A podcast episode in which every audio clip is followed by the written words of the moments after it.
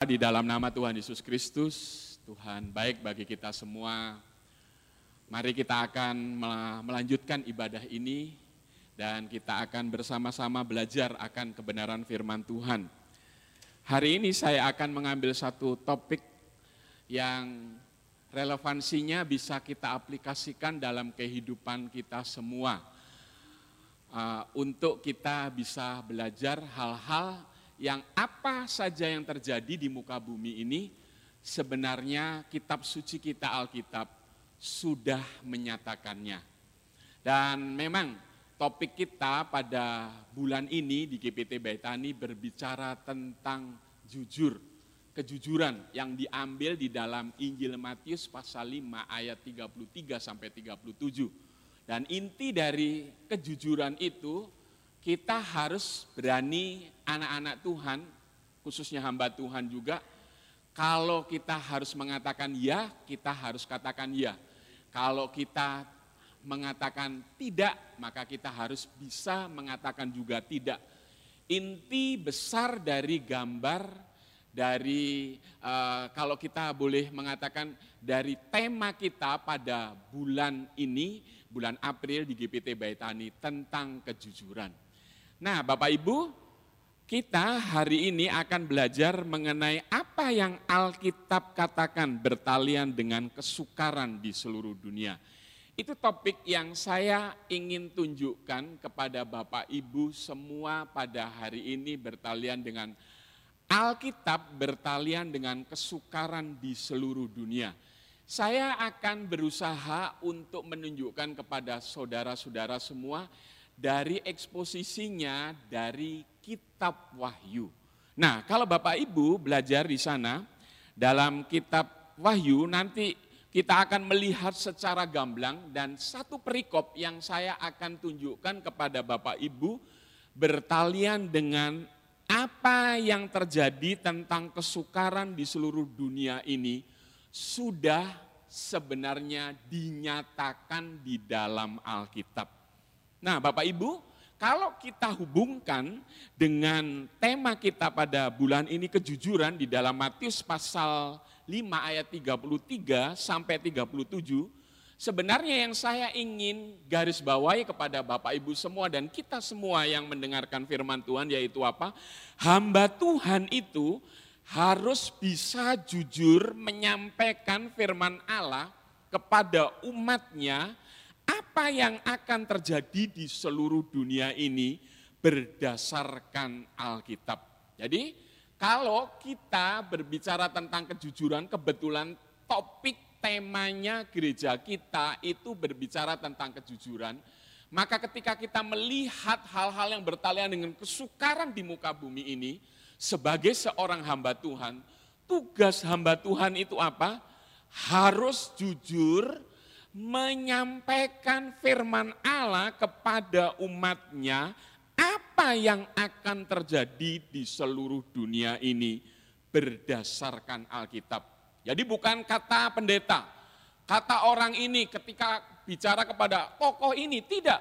Tapi apa yang Alkitab katakan tentang hal-hal yang kita sekarang rasakan bersama-sama namanya kesukaran, namanya pencobaan, namanya penderitaan yang sedang kita rasakan itu, kalau Bapak Ibu belajar dengan benar apa yang Alkitab katakan dan belajar dengan sungguh-sungguh menelitinya, sebenarnya apa saja yang sedang dan akan terjadi di muka bumi ini, Alkitab sudah menjelaskannya. Dan itu bagian dari saya, salah satu hamba Tuhan di muka bumi ini yang harus dengan jujur menyampaikan firman Tuhan secara seimbang. Tidak hanya menyenangkan telinga dari domba-dombanya, tetapi hal-hal yang menyangkut dengan kesukaran, penderitaan yang sedang kita rasakan bersama-sama saat ini di muka bumi. Hamba Tuhan itu juga wajib dan berani menyampaikan dengan berterus terang dari apa yang Alkitab katakan bertalian dengan uh, apa yang terjadi di muka bumi ini. Nah Bapak Ibu, saya akan mengajak kepada kita semua untuk membuka di dalam kitab Wahyu. Saya hanya akan tunjukkan empat hal nanti bertalian dari satu perikop di dalam kitab Wahyu pasal 6 ayat 1 sampai 8. Ya. Dan saya hari ini akan tunjukkan satu-satu. Terima kasih saya tadi belum ber, uh, uh, menyatakan ini teman saya yang akan menyampaikan membaca firman Tuhan yang membantu kami Bapak Wayan Astama. Dan nanti kita akan belajar bersama-sama bagian kebenaran ini. Mari kita akan membuka bersama-sama di dalam Wahyu pasal 6 ayat 1 sampai 8. Silakan Bapak Wayan Astama. Wahyu 6 pasal pertama sampai ke 8. Firman Tuhan, keenam metrai pertama dibuka. Maka aku melihat anak domba itu membuka yang pertama dari ketujuh metrai itu dan aku mendengar yang pertama dari keempat makhluk itu berkata dengan suara bagaikan bunyi guru, mari. Dan aku melihat sesungguhnya ada seekor kuda putih dan orang yang menungganginya memegang sebuah panah dan kepadanya dikaruniakan sebuah mahkota lalu ia maju sebagai pemenang untuk merebut kemenangan. Ayat 3 dan ketika anak domba itu membuka metra yang kedua, aku mendengar makhluk yang kedua berkata, "Mari!" Dan majulah seekor kuda lain, seekor kuda merah, padam dan orang yang menungganginya dikaruniakan kuasa untuk mengambil damai sejahtera dari atas bumi sehingga mereka saling membunuh dan kepadanya dikaruniakan sebilah pedang yang besar. Dan ketika anak domba itu membuka metrai yang ketiga, aku mendengar makhluk yang ketiga berkata, "Mari." Dan aku melihat sesungguhnya ada seekor kuda hitam dan orang yang menunggainya memegang sebuah timbangan di tangannya. Dan aku mendengar seperti ada suara di tengah-tengah keempat makhluk itu berkata, secupak gandum sedinar dan tiga cupak jelai sedinar. Tetapi janganlah rusakkan minyak dan anggur itu. Dan ketika anak domba itu membuka metra yang keempat, aku mendengar suara makhluk yang keempat berkata, Mari, dan aku melihat sesungguhnya ada seekor kuda hijau kuning dan orang yang menungainya bernama Maut. Dan kerajaan Maut mengikutinya dan kepada mereka diberikan kuasa atas seperempat dari bumi untuk membunuh dengan pedang dan dengan kelaparan dan sampar dan dengan binatang-binatang buas yang di bumi. Iya, sampai di situ ya pembacaan kita. Bapak Ibu, saudara-saudara, saya hari ini tidak akan berbicara teologi yang dalam-dalam. Saya tidak akan berbicara tentang penafsiran. Tapi saya ingin menunjukkan secara garis besar dari kitab Wahyu yang diambil dari perikop dari pasal 6 ayat 1 sampai 8. Di situ ada berbicara hal yang bertalian dengan bagaimana meterai dibukakan dan meterai itu terdiri dari meterai itu terdiri dari empat bagian yang kita mau pelajari bersama-sama. Nah kalau kita melihat di bagian itu, Yesus Tuhan kita dalam pemahaman kitab Wahyu, dia disebut sebagai anak domba. Dan anak domba itu kalau kita pelajari ketika dibaca oleh Bapak Wayan Astama tadi, dan kita belum membacanya bersama-sama Bapak Ibu, membuka materai. Dalam pembukaan materai itu ada tujuh, tetapi bagian yang pertama dari materai yang dibukakan itu, empat berturut-turut itu dibukakan. Saya tidak akan berbicara kuda warna ini, angka ini artinya seperti ini. Saya hanya menunjukkan secara harafiah bertalian dengan apa yang Alkitab dan katakan dan relevansinya bagi kehidupan kita. Bertalian dengan kondisi yang sedang kita hadapi pada saat ini.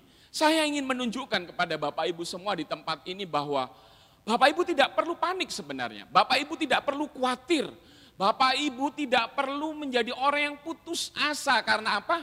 Karena kejadian yang ada di seluruh bumi ini sedang kita rasakan bersama-sama. Padahal kalau kita dengan benar membaca Alkitab, tidak jauh-jauh dari satu perikop di dalam kitab Wahyu pasal 6 ini, Bapak Ibu nanti akan benar-benar kagum dengan Alkitab ini bahwa Bapak Ibu tidak terlalu tidak usah terlalu panik Bapak Ibu tidak usah terlalu khawatir. Tapi justru kita nanti akan memberikan respon kepada Tuhan. Bahwa hidup Bapak Ibu ini ada di dalam kendali Tuhan. Dan Tuhan tidak akan pernah meninggalkan anak-anaknya yang percaya kepada Yesus Kristus. Dalam metra yang pertama ketika anak domba itu membuka, ya kalau kita melihat di dalam Wahyu pasal 6 ayat 1 dan 8 itu, metra yang pertama itu ada kata-kata orang yang menunggangi kuda memegang sebuah panah. Ya. Dan itu yang tertulis di dalam ayat 1 dan 2, tadi sudah dibacakan bagian ini, ya bisa dibaca sekali lagi bagian ini ayat 1 sampai ayat 2 di sana dikatakan seperti apa? Kuda yang metre yang pertama itu dibukakan. Firman Tuhan, maka aku melihat anak domba itu membuka yang pertama dari ketujuh metra itu. Dan aku mendengar yang pertama dari keempat malu itu berkata dengan suara bagaikan bunyi guru, Mari, dan aku melihat sesungguhnya ada seekor kuda putih dan yeah. orang yang menungganginya memegang sebuah panah dan kepadanya dikaruniakan sebuah mahkota lalu ia maju sebagai pemenang untuk merebut kemenangan. Iya. Saya tidak akan menafsirkan detail Bapak Ibu. Tapi kalau saya mengaplikasikan sebagai seorang hamba Tuhan, saya harus jujur. Apa yang Alkitab katakan ini Bapak Ibu, ini berbicara tentang apa? Panah itu berbicara tentang senjata tapi kalau saudara terus membaca dari ayat itu, maka saudara ada kata-kata maju sebagai pemenang. Itu berbicara apa? Senjata yang dipergunakan itu untuk melakukan sesuatu yang menakutkan kepada dunia ini. Itu berbicara apa Bapak Ibu? Itu berbicara tentang peperangan yang dahsyat di muka bumi ini. Saya tidak akan melebar ke mana-mana Bapak Ibu tapi kalau Bapak Ibu mendengar deru perang, melihat bangsa-bangsa berperang dan segala sesuatu yang mengkhawatirkan kehidupan Bapak Ibu semua. Alkitab kita, kalau kita secara harafiah, secara jujur, secara sederhana kita membacanya, sebenarnya hal-hal yang bertalian dengan peperangan itu, Alkitab sudah memberikan penjelasan, yaitu apa? Pada zamannya nanti pada ada masa di mana akan ada peperangan yang dahsyat. Dan itu sudah ditulis di dalam kitab Wahyu ini. Di dalam pasal 6. Saya tidak akan dengan detail bicara kuda ini, warnanya ini, dan warnanya ini. Tetapi kalau saudara bicara pengertiannya apa? Pengertiannya yaitu apa? Bapak Ibu tidak perlu panik. Kalau ada mendengar sesuatu yang bertalian dengan peperangan dan segala macam. Kitab suci kita, Alkitab itu sudah menjelaskannya. Makanya saya selalu mengatakan apa yang Alkitab katakan. Dari setiap saya menyampaikan firman Tuhan.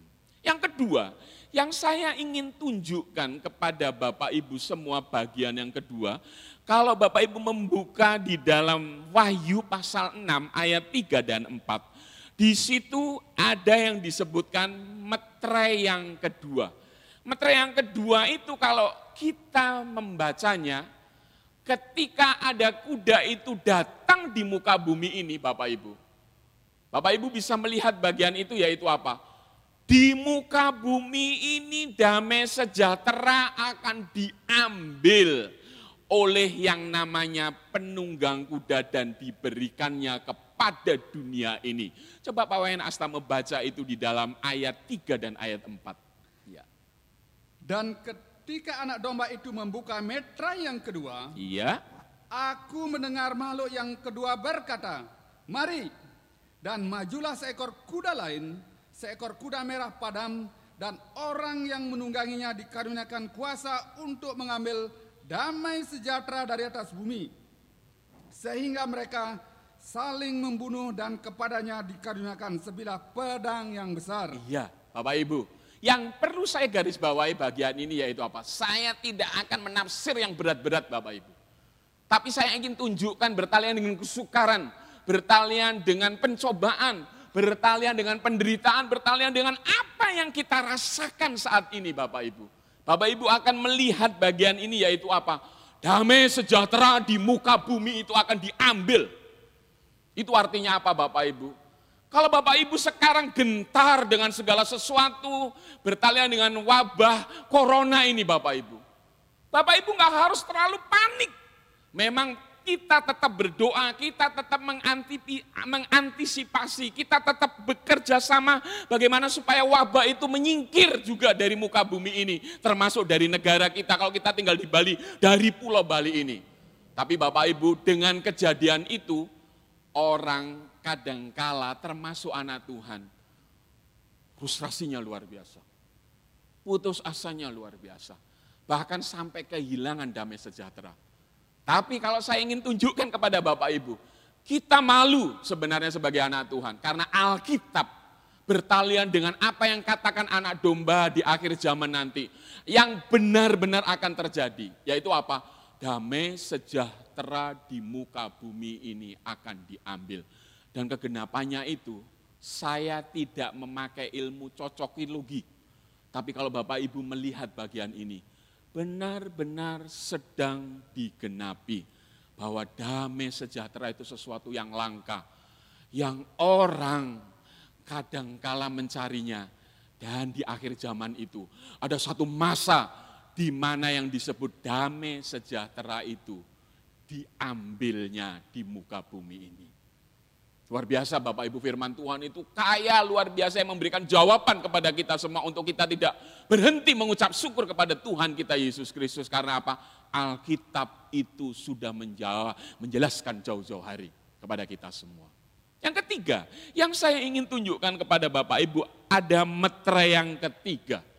Mari Bapak, eh, Bapak Wayan Asta membaca di dalam ayat 3 dan ayat 4. Ya.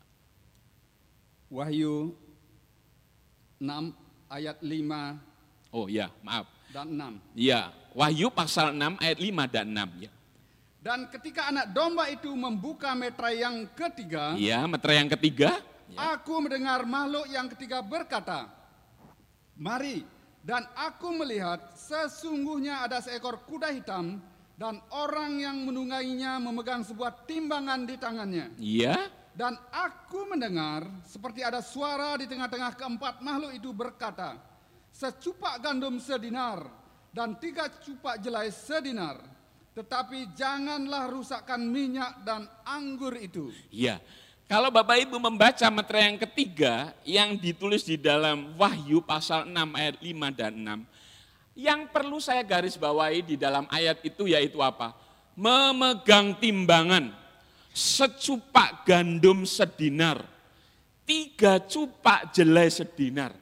Timbangan itu berbicara apa Bapak Ibu? Timbangan itu berbicara tentang harga-harga. Dan kalau kita belajar dengan benar Alkitab dan meneliti bagian-bagian yang lain, kata-kata secupak gandum sejinar itu berbicara mengenai gaji, berbicara mengenai upah orang yang bekerja dan nilainya satu hari. Dan kata-kata yang disebut tiga cupak jelai sedinar, itu berbicara tentang apa Bapak Ibu? Itu berbicara tentang gaji sehari yang didapatkan oleh umat manusia di akhir zaman, itu hanya cukup untuk kebutuhan satu hari. Ini artinya apa Bapak Ibu? Firman Tuhan, kitab suci kita, Alkitab itu sebenarnya sudah menjelaskan akan terjadi kegoncangan ekonomi, akan terjadi kegoncangan sosial, makanan yang tidak mencukupi, harga-harga tinggi yang tidak yang namanya terbeli. Dan akan ada kelaparan yang dahsyat karena berbicara tentang harga-harga itu. Dan firman Tuhan Bapak Ibu, kalau kita teliti dengan benar Bapak Ibu, apa yang terjadi sekarang orang begitu khawatir, begitu takut, memiliki apa saja kadang-kala bahkan sudah menimbun segala sesuatu Bapak Ibu. Mereka tetap berpikiran yang namanya kehilangan damai sejahtera seperti metre yang kedua tadi itu Bapak Ibu. Itu juga berlangsung melalui dengan tindakannya yaitu apa? Bahwa di muka bumi ini banyak nanti ada orang yang bekerja. Tetapi ketika dia bekerja, kebutuhannya apa yang dia dapatkan satu hari itu hanya cukup untuk satu hari. Dan itu membuat segala sesuatu orang begitu pesimis di muka bumi ini. Dan mengalami dalam bahasa saya kegoncangan sosial. kegoncangan dari psikologi dari orang-orang itu karena apa? Ada kegoncangan ekonomi dengan harga-harga yang mahal yang saya bisa terjemahkan secara bebas seperti itu Bapak Ibu dengan kata-kata memegang timbangan secupak gandum sejinar, tiga cupak jelai sedinar. Dan Bapak Ibu dengan kejadian yang sedang kita alami bersama-sama, Bukankah kekhawatiran yang menakutkan dengan apa yang akan kita makan, apa yang kita dapatkan, itu benar-benar relevan pada saat ini dengan kehidupan kita? Dan kitab wahyu, kitab suci kita, itu sudah menjelaskan luar biasa firman Tuhan. Makanya temanya hari ini selalu saya katakannya itu, apa yang Alkitab katakan. Bukan kata orang, tetapi apa yang Alkitab katakan supaya ketika saya dengan jujur menyampaikan ini bagian yang seimbang bagi umat saya yang ada di GPT Baitani ini. Saudara-saudara menjadi orang-orang yang tegar, yang kuat, dan memahami segala sesuatu dengan apa adanya, dengan berjiwa besar bahwa apa yang sedang terjadi, apa yang akan terjadi, kalau kita meneliti Alkitab, benar-benar sedang digenapi dan sebagian besar sudah terjadi. Bagian yang keempat yang saya mau tunjukkan kepada Bapak Ibu semua, ada metra yang keempat di dalam Wahyu pasal 6 ayat 7 dan 8. Wahyu pasal 6 ayat 7 dan 8 firman Tuhan, dan ketika anak domba itu membuka meterai yang keempat, ya. aku mendengar suara makhluk yang keempat berkata, mari, dan aku melihat sesungguhnya ada seekor kuda hijau kuning, dan orang yang menungganginya bernama Maut. Hmm. Dan kerajaan Maut mengikutinya. Dan kepada mereka diberikan kuasa atas seperempat dari bumi untuk membunuh dengan pedang dan dengan kelaparan dan sampar dan dengan binatang-binatang buas yang di bumi. Ya, terima kasih. Bapak Ibu, meter yang keempat yang dibuka oleh anak domba Tuhan Yesus Bapak Ibu apa kalau Bapak Ibu membaca di situ? Saya hanya menggarisbawahi diberi kuasa membunuh dengan pedang, kelaparan dan sampar. Ini tidak kebetulan Bapak Ibu ketika kita begitu heboh dan kita benar-benar begitu benar-benar menjadi orang-orang yang sepertinya antisosial Bapak Ibu. Dan kita benar-benar menjadi orang-orang yang uh, bagian yang saya mau tunjukkan kebersamaannya itu benar-benar gara-gara penyakit corona itu benar-benar semua tatanan sosial itu berubah luar biasa Bapak Ibu. Tapi Alkitab sudah menjelaskan dan melalui anak domba Tuhan Yesus Kristus itu dikatakan apa? Kata-kata dari meter yang keempat ada oknum yang namanya maut itu memberikan yang namanya penyakit memberikan dengan pedang kelaparan dan sampar. Ya. Dan saya tidak mau mengkait-kaitkan, tetapi kalau saya membaca literatur banyak apa yang dikatakan tentang sampar, bahasanya sederhana Bapak Ibu dan Bapak Ibu bisa menerjemahkan sendiri.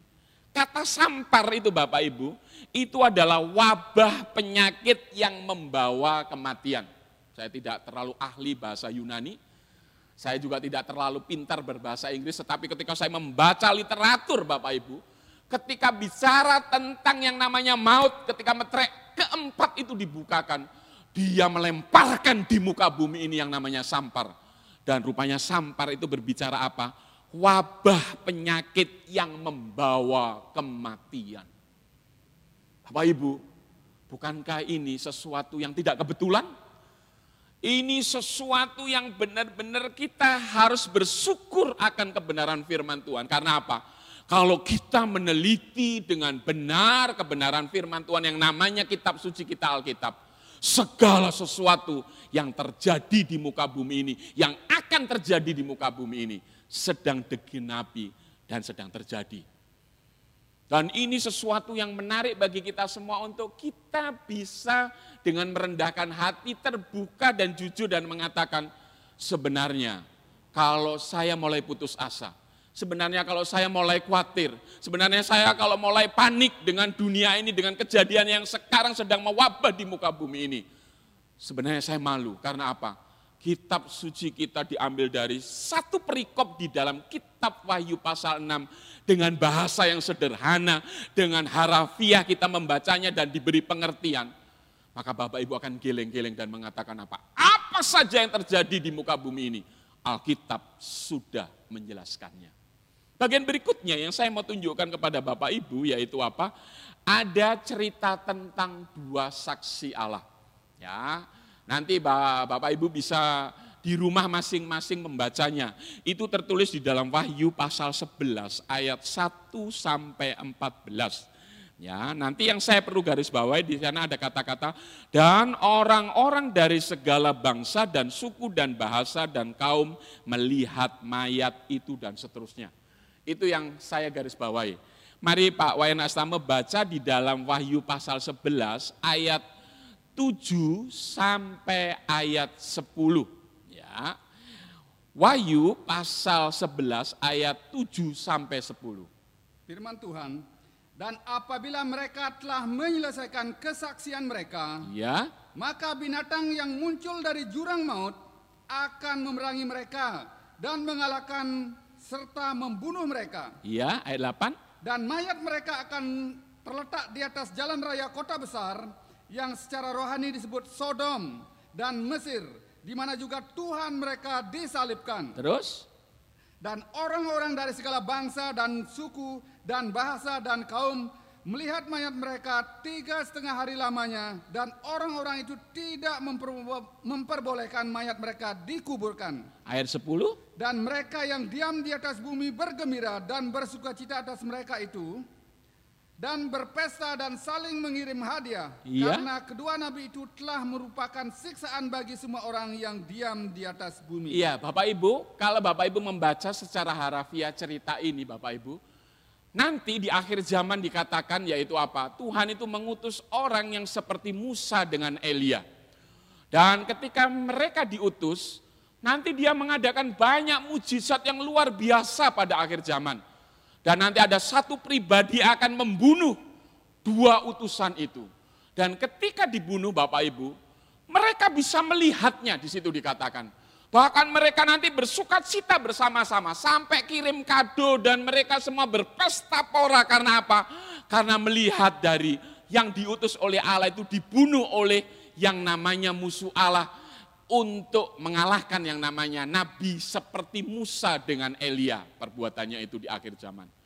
Dan Bapak Ibu kalau membaca itu pengertiannya apa Bapak Ibu sederhana? Sederhana sekali Bapak Ibu pengertiannya. Ada orang-orang kalau Bapak Ibu membaca di situ ya, dikatakan melihat mayat mereka tiga setengah hari lamanya dan orang-orang itu tidak memperbolehkan mayat mereka dikuburkan. Dan mereka yang diam di atas bumi bergembira dan bersuka cita dan seterusnya.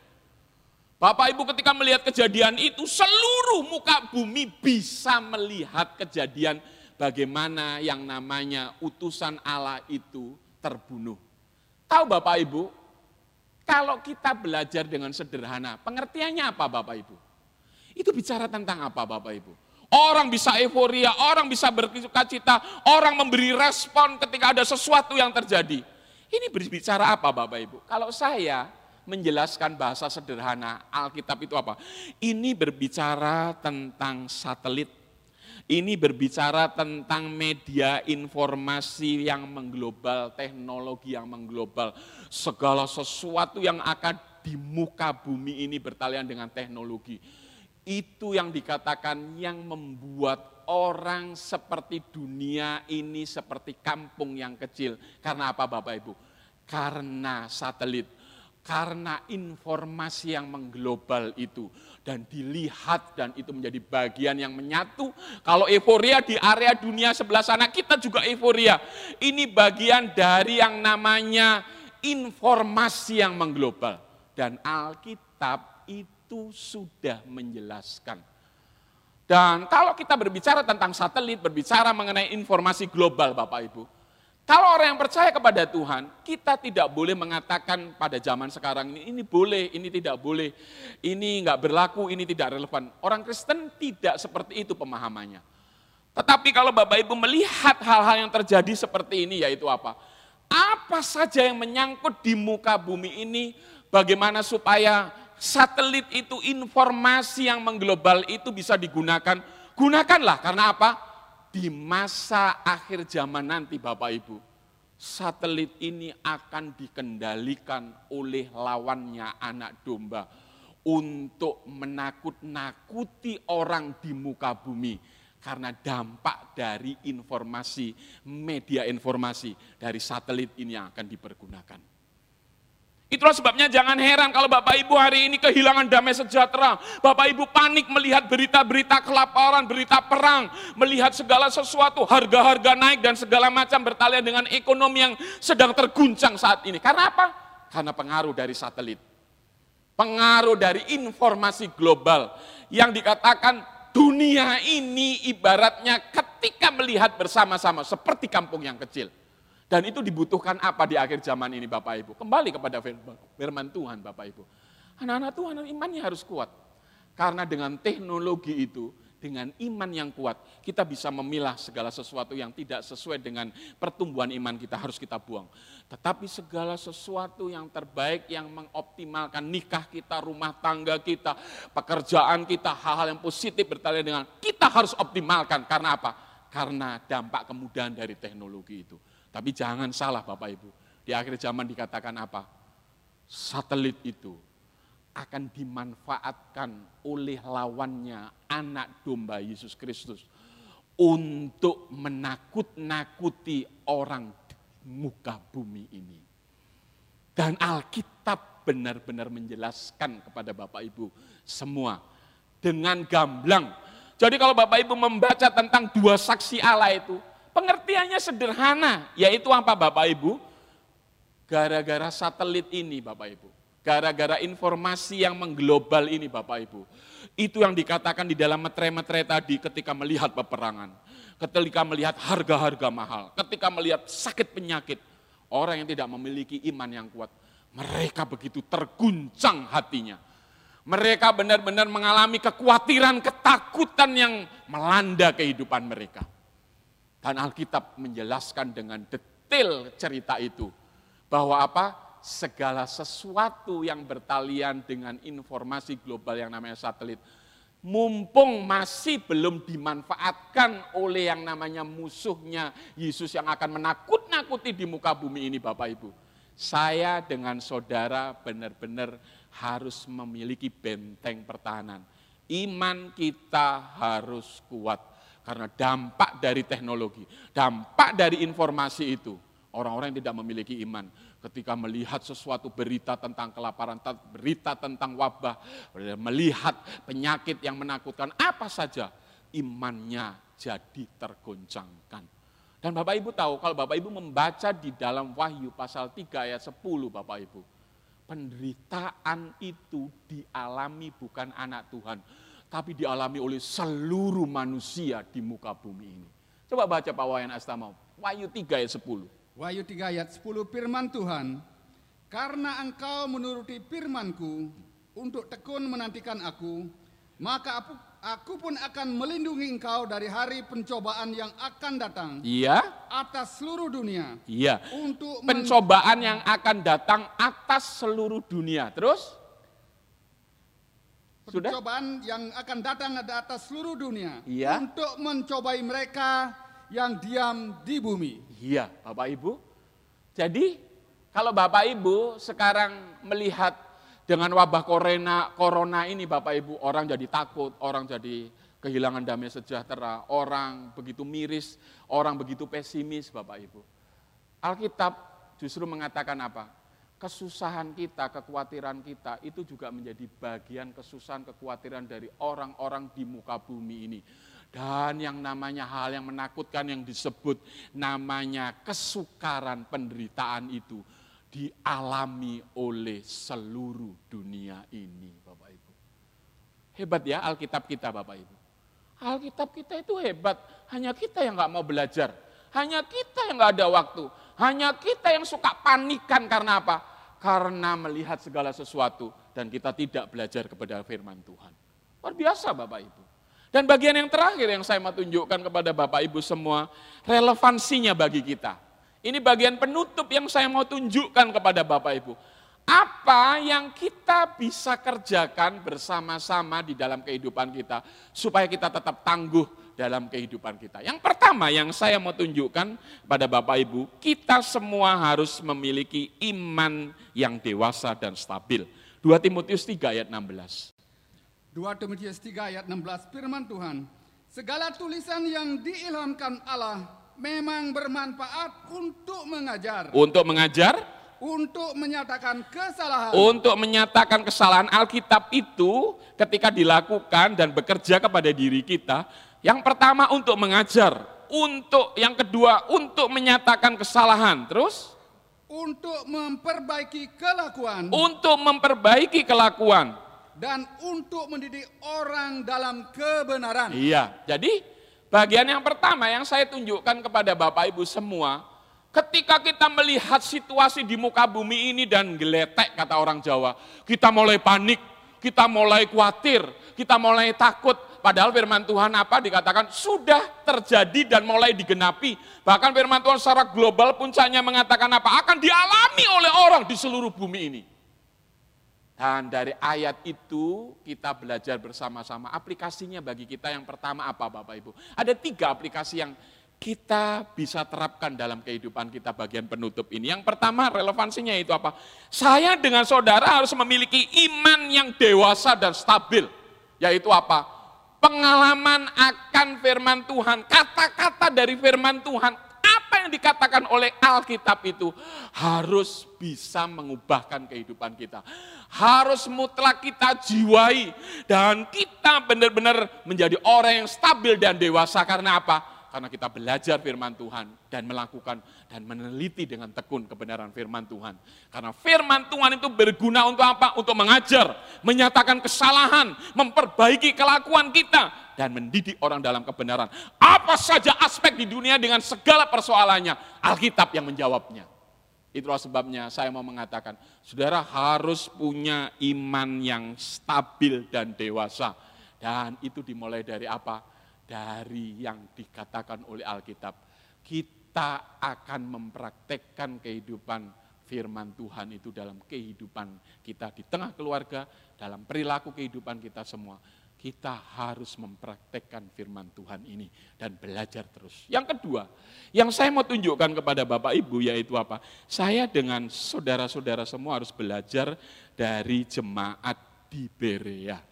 Jemaat di Berea di dalam kisah para rasul pasal 17 ayat 11, di sana ada kata-kata seperti apa? Tolong dibacakan. Paulus dan Silas di Berea. Iya.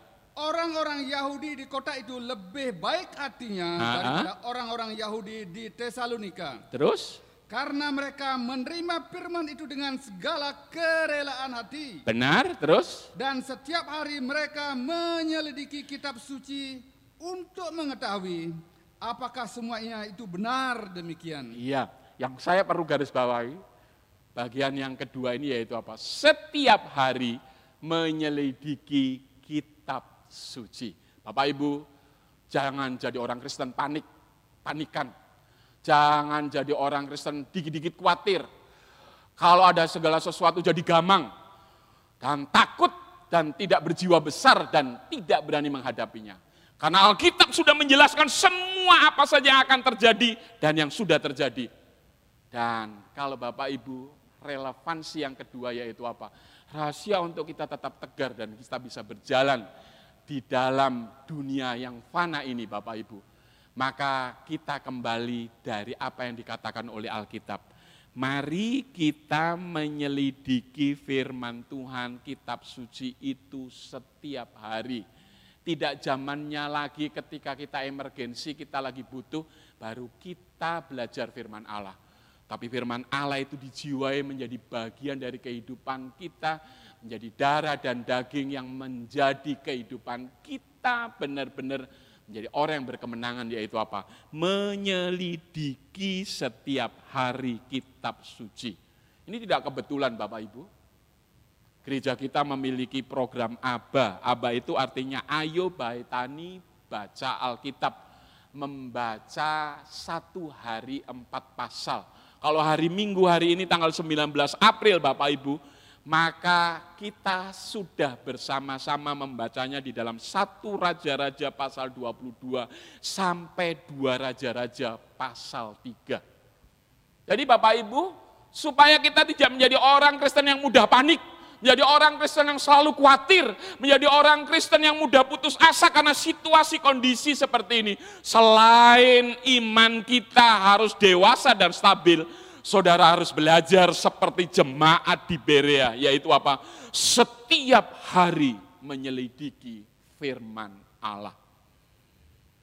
Bapak Gembala di dalam Jumat Agung pesannya mengatakan apa? Ada kata-kata yang digarisbawahi, hikmat yang dinyatakan apa itu hikmat yang dinyatakan? Saya dengan saudara ketika belajar kitab suci ini, ada sesuatu yang menerobos di dalam diri kita yang bisa mengubahkan. Bukan kata orang, bukan kata pendeta, bukan kata gereja, bukan kata ahli teolog, filsuf. Tidak, apa yang Alkitab katakan itu. Benar-benar harus kita jiwai. Kita ngerti, karena apa? Karena Alkitab. Kita mempraktekkan kitab suci ini menjadi bagian supaya kita bisa berkemenangan dan sanggup mengatasi semua tantangan global di muka bumi ini. Termasuk menghadapi ketakutan, kekhawatiran yang kita alami bersama-sama dengan wabah corona ini. Bapak Ibu, sesuatu yang perlu saya tandaskan sebagai seorang hamba Tuhan harus jujur mengatakannya berterus terang kepada umat yang digembalakan. Bukan hanya berbicara hal-hal yang menyenangkan telinga saja, tetapi segala sesuatu bertalian dengan pencobaan, dengan penderitaan, hal-hal yang menakutkan.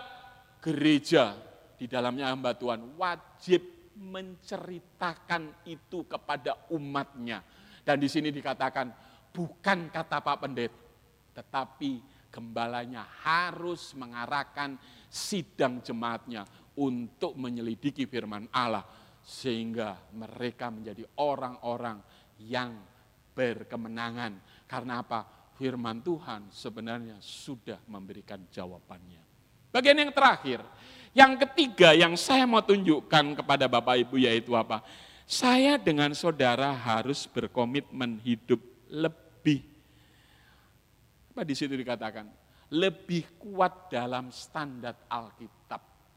Ini berbicara apa Bapak Ibu? Di akhir zaman ini, saya sebagai salah satu gembala di GPT Baitani ini, saya ingin umat Tuhan yang digembalakan di GPT Baitani ini tidak menjadi orang yang abu-abu kepribadiannya.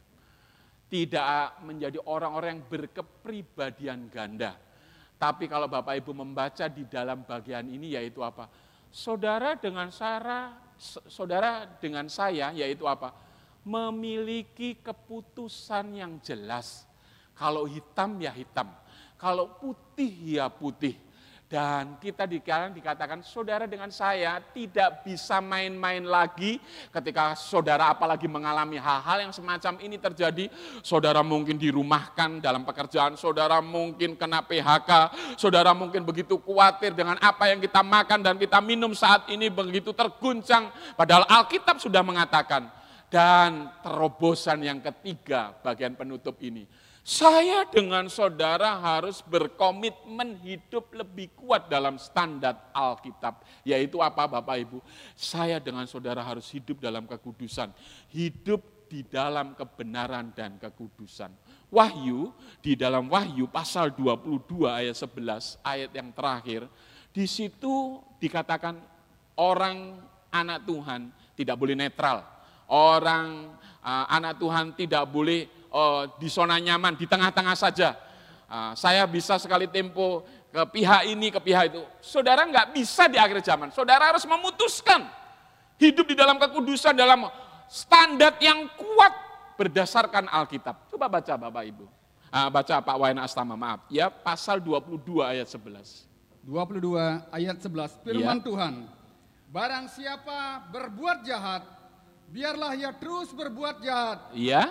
Barang siapa yang cemar, biarlah ia terus cemar. Terus? Dan barang siapa yang benar, biarlah ia terus berbuat kebenaran. Barang siapa apa yang kudus, biarlah ia terus menguduskan dirinya. Bapak Ibu tahu bagian ini Bapak Ibu. Kalau Bapak Ibu mau berkemenangan, Bapak Ibu bisa keluar dari kesukaran, dari pencobaan, dari penderitaan, dari kekhawatiran, hal-hal yang membuat kita panik Bapak Ibu. Bagian yang ketiga dari firman Tuhan, dari Alkitab itu mengatakan apa? Jangan netral hidup kita. Saudara harus punya keputusan yang kuat, berkomitmen berdasarkan Alkitab. Saudara tidak boleh abu-abu, Saudara tidak boleh berkepribadian ganda, kata ilmu, ah, kepribadian ilmu jiwa mengatakan. Tapi saudara benar-benar tegas mengatakan, saya harus hidup kudus, saya harus meninggalkan dosa dan kelemahan saya, saya harus fokus kepada apa yang Alkitab katakan, dan saya akan menyembah Yesus dan memprioritaskan hidup saya untuk Tuhan Yesus.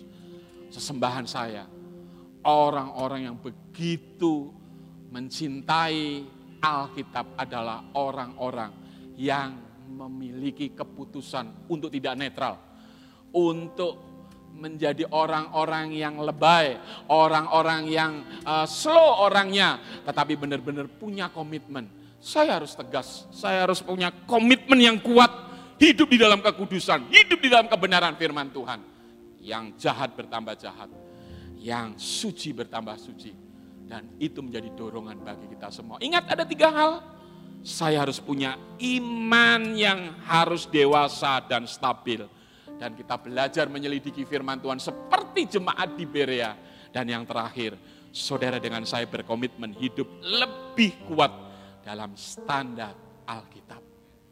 Mari kita mempercayai firmannya. Dan saya memohon kemurahan dari Tuhan ketika kita menyanyi pujian ini, memuji pujian ini dan saudara berkomitmen untuk lebih baik dan tidak menjadi orang yang abu-abu kepribadiannya. Menjadi orang yang punya keputusan tegas mau mencintai Tuhan dan lari kepada Tuhan. Dia memulihkan. Dia memberkati. Dan itulah firman Tuhan yang selalu menggenapi dalam kehidupan kita. Kita berterima kasih kepada Tuhan Yesus. Kita berterima kasih atas Alkitab ini yang menjelaskan bertalian dengan apa saja di dunia ini yang akan terjadi dan sudah terjadi dan Alkitab sudah menjelaskan